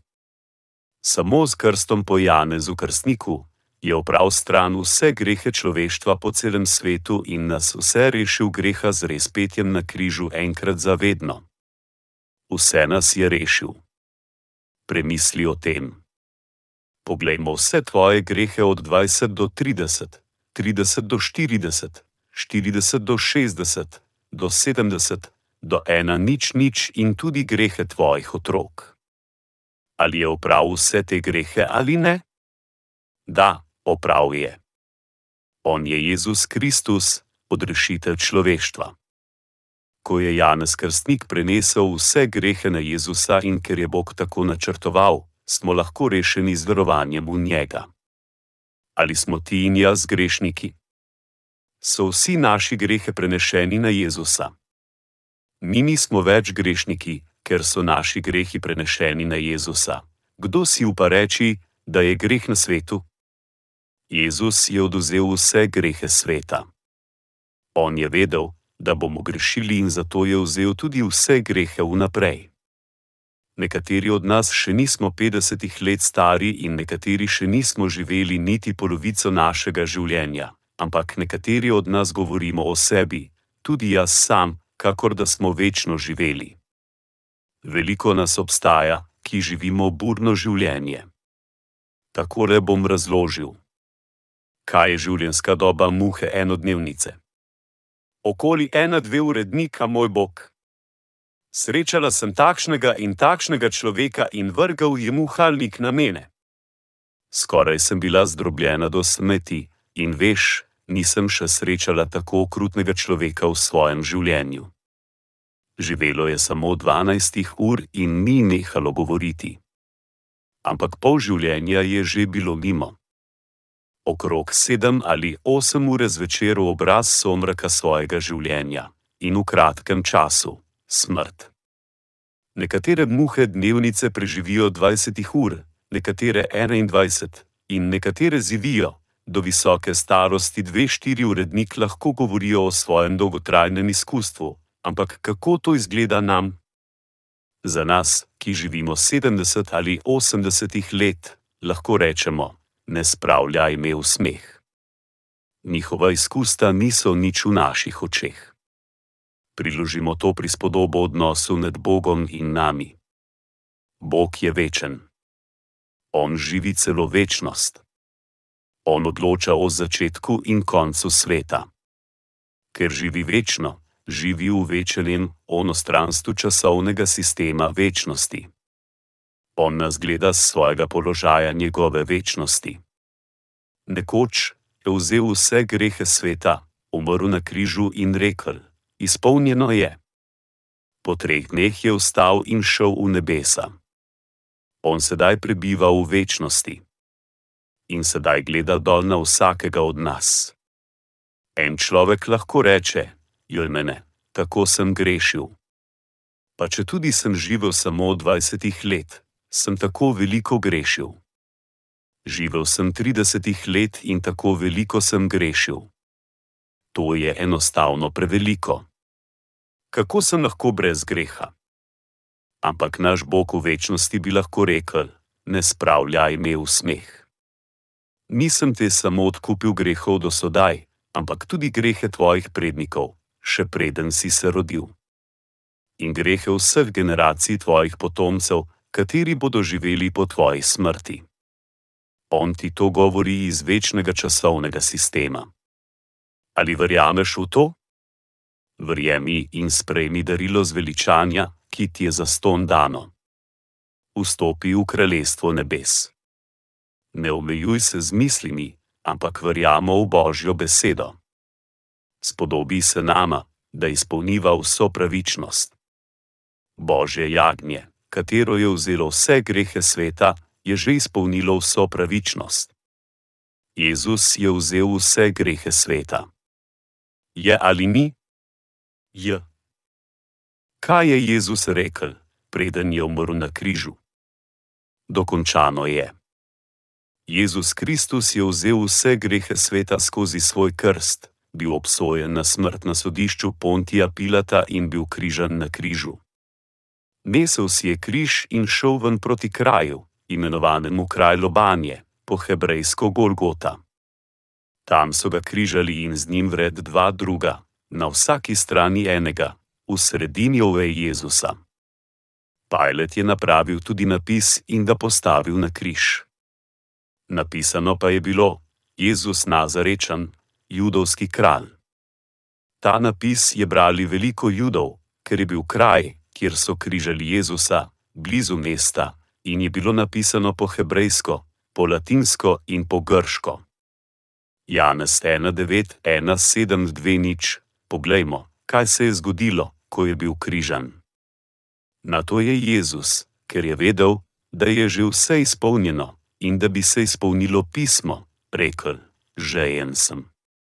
Tam je stala posoda, polna kisa. V kis namočeno gobo so nataknili na hizop in mu jo podali kusnicam. Ko je Jezus vzel kisa, je rekel: Izpolnjeno je. In nagnil je glavo in izročil duha. Janez 1:9:2:8:3 nič. Ko je dobil kis, je rekel: izpolnjeno je. In nagnil glavo in preminil. Bil je resnično mrtev. Jezus Kristus je vstal po treh dneh in bil vznešen v nebesa. Obrnimo se k pismu Hebrejcem 1.1.9. Postava vsebuje le senco prihodnih dobrin in neprave podobe stvari. Zato kljub istim žrtvam, ki jih neprestano darujejo iz leta v leto, nikoli ne more pripeljati do popolnosti niti tistih, ki se približujejo.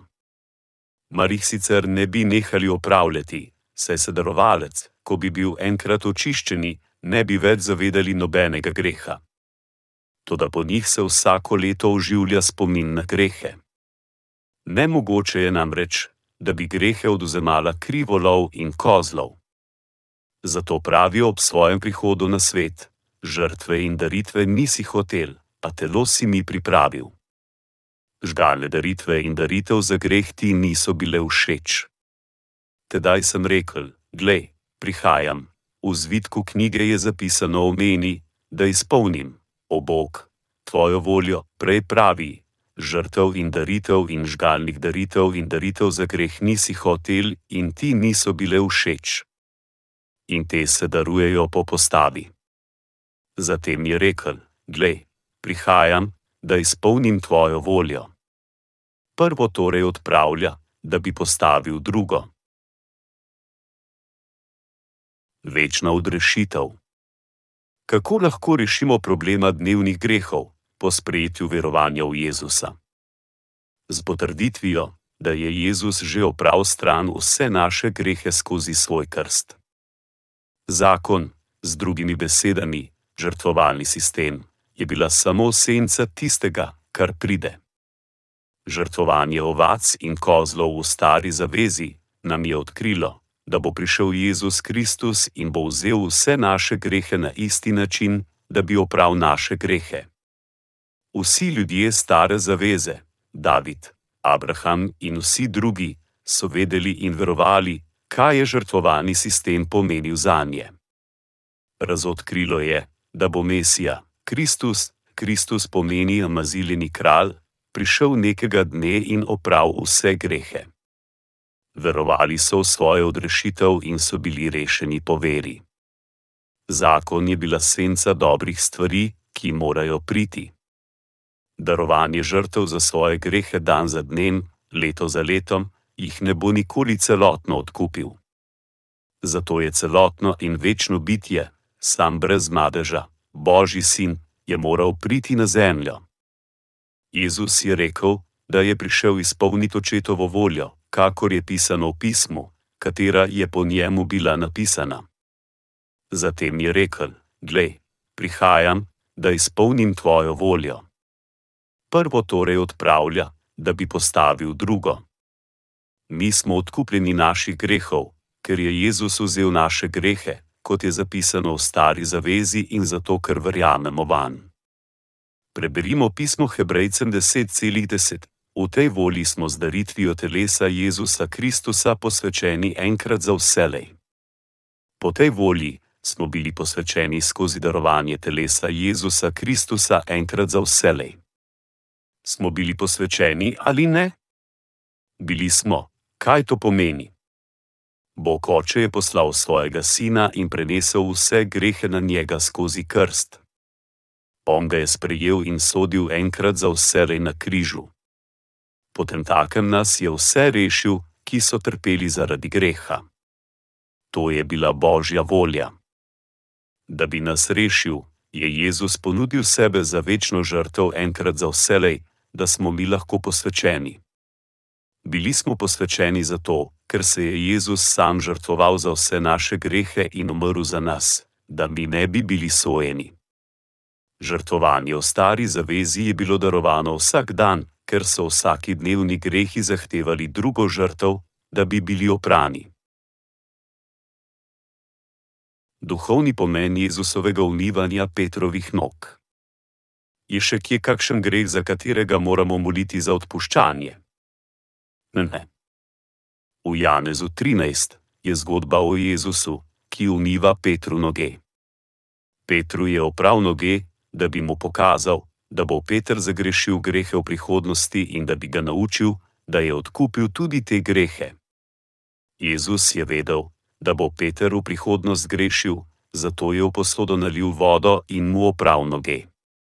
Peter ga je poskušal odvrniti, ampak Jezus je rekel: To, kar ti sedaj delam, ne razumeš, ampak boš razumel potem. Kaj to pomeni? Grešil boš tudi potem.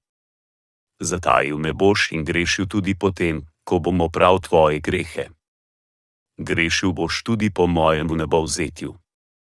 Zato ti umivam noge, da opozorim Satana, da te ne preškiša, ker sem že vzel vse tvoje prihodne grehe.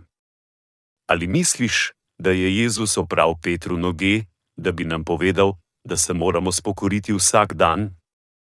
Ne. Če bi se morali spokoriti vsak dan, da bi bili odkupljeni, bi to pomenilo, da Jezus ni vzel vseh grehov naenkrat. Ampak Jezus je rekel, da nas je posvetil enkrat za vselej. Če bi se mi kesali vsak dan, bi se tudi mi vrnili v čas stare zaveze. Kdo potem lahko postane pravičen? Kdo bi bil celotno odkupljen? Če tudi verjamemo v Boga, kdo lahko živi brez greha? Kdo lahko postane posvečen preko kesanja? Mi nenehno grešimo vsak dan, zato kako lahko prosimo za odpuščanje vsakodnevnih grehov? kako smo lahko postali taki debelokošci in ganjavimo vsak dan za odrešenje. Moramo biti usmerjeni, da pozabimo na storjene grehe zjutraj in do konca dneva, in večerne do jutri zjutraj. Nemogoče je, da se skesamo vseh naših grehov. Zato je bil Jezus krščen enkrat in daroval sebe na križ enkrat, da bi mi postali posvečeni vsi naenkrat. Ali lahko razumeš to? mi smo odkupljeni vseh naših grehov enkrat za vselej. Mi smo odkupljeni vsakič, ko se kesamo. Mi smo bili rešeni vseh naših grehov z verovanjem, da je Jezus vzel vse naše grehe, moje in tvoje grehe. Vsak duhovnik dan za dnem stoji opravlja bogi služje in večkrat daruje iste žrtvam, ki nikoli ne morejo oduzeti grehov ta pa je za grehe daroval eno samo žrtev in za vekomaj sedel na božjo desnico, tle pa čaka, da bodo njegovi, da bodo njegovi sovražniki položeni k njegovim nogam za podnožje. Z eno samo daritvijo je torej za vse naredil popolne tiste, ki so posvečeni. To nam namreč pričuje tudi sveti duh, saj najprej pravi: To je zaveza, ki jo bom sklenil z njimi po tistih dneh, govori Gospod svoje postave bom dal v njihova srca, v njihov razum jim bom zapisal, in njihovih grehov in njihovih nepostavnosti se ne bom več spominjal. Ker pa je vse to odpuščeno, ni več daritve za grehe. Hebrejcem 1, nič, 1, 1, 1, 8. Kaj to pomeni, ker pa je vse to odpuščeno na začetku 18. vrstice? Pomeni, da je greh sam po sebi, katerikoli greh, je bil zavedno pokrit, brez izjeme. Bog jih je opravil in nam vsem odpustil. Ali verjameš v to? Ker pa je vse to odpuščeno, ni več daritve za grehe. Vzemimo povzetek vsega do sedaj.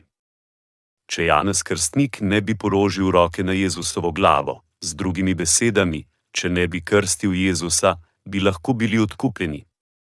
Ne, nikakor. Ne. Pomislimo za nazaj.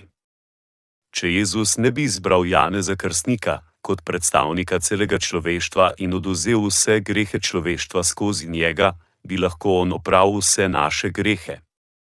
Ne bi mogel. Božji zakon je pravičen. Je pravičen. Ni mogel samo reči, da je on bil naš rešitelj in da je vzel vse naše grehe ona je moral praktično vzeti vse naše grehe. Zakaj je Jezus, Bog, prišel v telo? Prišel je, da bi vzel vse grehe človeštva skozi svoj krst. Jezus je vedel, da vsi naši grehi srca in telesa ne morejo biti oprani, razen če sam pride v telo in se daruje kot večna žrtev. Če Jezus Kristus ne bi bil krščen, bi naši grehi ostali če bi bil križan, brez da bi prej vzel naše grehe, bi njegova smrt bila brez pomena. to ne bi imelo ničesar opraviti z nami. Bilo bi brez pomena. Ko je začel svoje javno delovanje v svojih 30 letih, je šel k Janezu krstniku na reki Jordan, da bi bil krščen. Njegovo javno delovanje se je začelo, ko je bil star 30 in končalo, ko je imel 33 let. Ko je imel 30, je šel k Janezu krstniku, da bi se krstil. Dovoli, da se sedaj tako zgodi, kaj ti spodobi se nama, da narediva tako. Krsti me, sedaj. Da, Jezus Kristus je bil krščen za odrešenje vseh ljudi. Odkar je bil Jezus krščen in oduzel vse naše grehe, in ker so naši grehi bili prenešeni na njega preko polaganja rok Janeza krstnika, je sam Bog obrnil pogled stran, ko je Jezus umiral na križu. Če tudi je Jezus bil njegov edinorojeni sin, je moral žrtvovati svojega sina. Bog je ljubezen, ampak moral je dovoliti, da njegov sin umre. Zato je za tri ure na nebu postala popolna tema po celi deželi. Jezus je vzkliknil, preden je umrl: Eli, Eli, lama sabahtani. Kar pomeni: Moj Bog, moj Bog, zakaj si me zapustil? Jezus je na ramenih nosil vse naše grehe in na mesto nas sprejel obsodbo na križu. Na tak način nas je vse rešil. Brez Jezusovega krsta, njegova smrt bi bila brez pomena. Si grešna ali pravična oseba? Pravična oseba, katera nima nikakršnega greha v svojem srcu. Če bi Jezus umrl na križi, brez da bi vzel vse naše grehe skozi krst, ne bi njegova smrt izvršila polnega odkupljenja. Da bi nas popolno odrešil, je Janez krstil Jezusa, predstavnik velega človeštva in sprejel sodbo na križu, zato da bi vsi, ki verujejo van, bili rešeni. Zato od dneva Janeza krstnika do sedaj je nebeško kraljestvo trpelo nasilje. Ker je Janez prenesel vse grehe sveta na Jezusa, so bili naši grehi spokorjeni sedaj lahko ti in jaz kličemo Boga našega očeta in pogumno vstopimo v nebeško kraljestvo. V Hebrejcem 10,18, ker pa je vse to odpuščeno, ni več daritve za grehe. Si še vedno grešnik? Sedaj, ko je Jezus že plačal za tvoje dolgove, ali moraš ti še vedno odplačevati dolg? Obstajal je mož, katerega je pijanstvo spravilo v dolgove mnogim upnikom. Nekega dne je njegov sin obogatel in odplačal vse očeto dolg. Njegov oče ni več imel dolga, kolikor koli je bil dolžan javnim ustanovam. To je Jezus storil za nas. Plačal je več kot dovolj za naše grehe. Ne samo grehe našega življenja, ampak grehe celega sveta. Vse je bilo prenešeno na Jezusa, ko je bil krščen. Zato ali si še vedno grešnik? Ne, nisi več. Če bi pozamili ta evangelij odrešenja že od začetka, kako lahko bi bilo za nas verovati v Jezusa? Ampak kakor je, izgleda tako novo, da mnogi ljudje dvomijo o njem. Ampak to ni novo. Obstajalo je že dolgo pred človeško zgodovino. Samo nismo vedeli prej za to.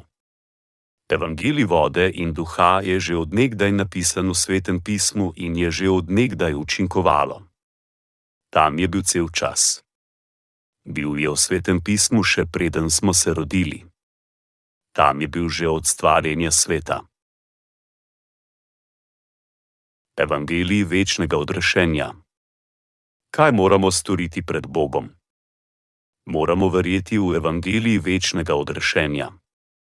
Jezus Krsitus, kateri je opravil vse naše grehe, je to storil pred tvojim in mojim rojstvom. Vse jih je vzel stran. Ali si še vedno z grehom? Ne, in kaj je potem z grehi, katere boš jutri zagrešil? Tudi ti grehi so vključeni v grehe sveta. Zdaj oduzamimo jutrišnje grehe. Vse grehe zagrešene do sedaj, so tudi všete v grehe sveta, ali ne? so bili prenešeni na Jezusa ali ne? Da, bili so. Ali so potem jutrišnji grehi prenešeni na njega? Da, vse je vzel, brez izjeme. Niti en sam greh ni pustil. Evangelij nam govori, da verjamemo z vsem srcem, da je Jezus vzel vse naše grehe naenkrat in plačal za vse.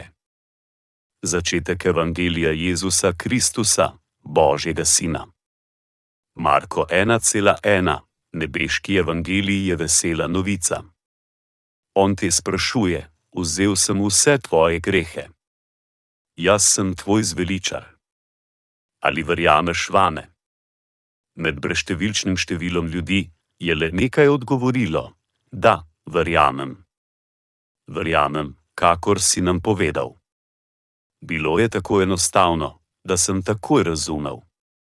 Tisti, ki priznajo svojo vero kot to, postanejo pravični ravno tako kot Abraham. Ampak drugi govorijo: Jaz ne morem verovati. Zveni tako novo in čudno za mene. Potem on vpraša: Samo povej mi, sem vzel tvoje grehe ali ne, bil sem poučen, da si vzel samo moj izvirni greh in ne mojih dnevnih grehov. Vidim, da si prepameten, da bi veroval, kot ti je rečeno. Ti moraš iti v pekel, ker jaz ti nimam ničesar zapovedati. Verovanje v njegovo celotno odrešitev nas je rešila. Vsi tisti, ki ustrajajo, da imajo greh, gredo v pekel samo so izbrali. Evangelij odrešenja se začne s pričevanjem Janeza Krstnika. Odkar je Jezus opravil vse naše grehe skozi krst preko Janeza Krstnika, postanemo posvečeni, ko verjamemo. Epistel Pavel je veliko govoril o Jezusovem krstu v svojem apostolstvu. V pismu Galačanom 3:27, kajti vsi ste bili krščeni v Kristusa, ste oblekli Kristusa. Biti krščeni v Kristusu pomeni, da smo skupnost s Kristusom, z verovanjem v njegov krst. Ko je bil Jezus krščen, so vsi naši grehi bili prenešeni na njega preko Janeza Krstnika in so celotno oprani stran. V 1. Petrovi 3:21 ta voda pa je podoba krsta, ki zdaj rešuje vas. Ne odstranjuje madežu z mesa ampak zaradi ustajanja Jezusa Kristusa prosi Boga za dobro vest. Samo tisti, ki verujejo v prečevanje Janeza Krstnika, Jezusov krst in kri na križu ima mir sod odrešenja od zgoraj. Sprejmi Jezusov krst kot nasprotek zveličanja v tvojem srcu in bodi rešen.